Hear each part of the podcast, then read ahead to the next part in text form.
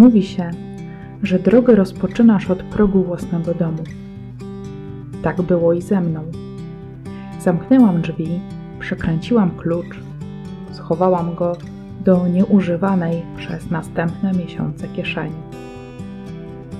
Od tego momentu nic już nie było takie samo. Radość mieszała się ze strachem, euforia z przerażeniem, ciekawość z niepewnością. Mój pierwszy etap Poznań-Paryż. Z każdą sekundą oczekiwania na dworcu serce waliło mi coraz mocniej. Co tu dużo mówić? Ja po prostu sikałam ze strachu. Ostatni raz za zachodnią granicą byłam dobrych 18 lat wstecz. Sama nigdy. We Francji nigdy. Bałam się wszystkiego.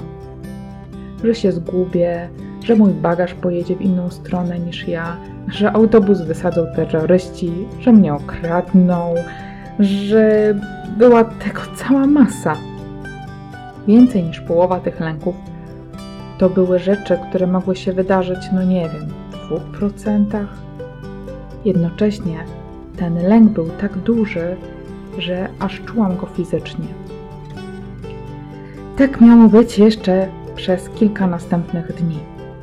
To był czas spotykania się z własnymi lękami, czas przyznawania się do nich, nazywania i akceptowania siebie przeżywającą tak mocne, że aż fizycznie odczuwalne, a jednocześnie irracjonalne lęki.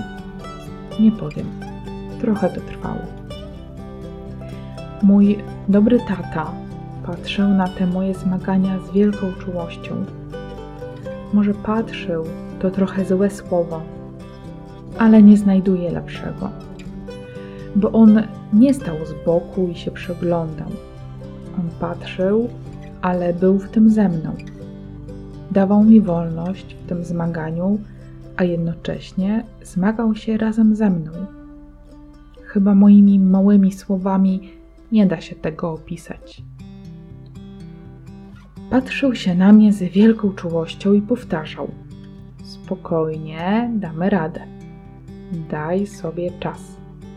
Jesteś wolna. Nic nie musisz osiągnąć. Daj sobie czas. Zresztą to ostatnie zdanie było chyba najczęściej powtarzanym zdaniem Boga do mnie w tych dniach wędrówki. Dotarłam do Paryża. Wielka radość, ogromna ekscytacja. Wieża Eiffla, katedra Notre Dame, cudnie bijące dzwony, łuk triumfalny to wszystko miejsca, które zawsze chciałam zobaczyć. I to wielkie łaskotanie w sercu, kiedy Bóg spełnia marzenia. Zapchany McDonald's i w końcu jakaś kawa w Starbucksie, jak przystało na podróżnika. Ludzi mnóstwo, deszcz i zimno, a ja paradowałam w klapkach. Pierwsze 16 kilometrów zaliczone, a późnym wieczorem autobus. Udało mi się nie zgubić. Nikt mnie nie porwał. A autobusu nie wysadzili terroryści. Można było ruszać dalej.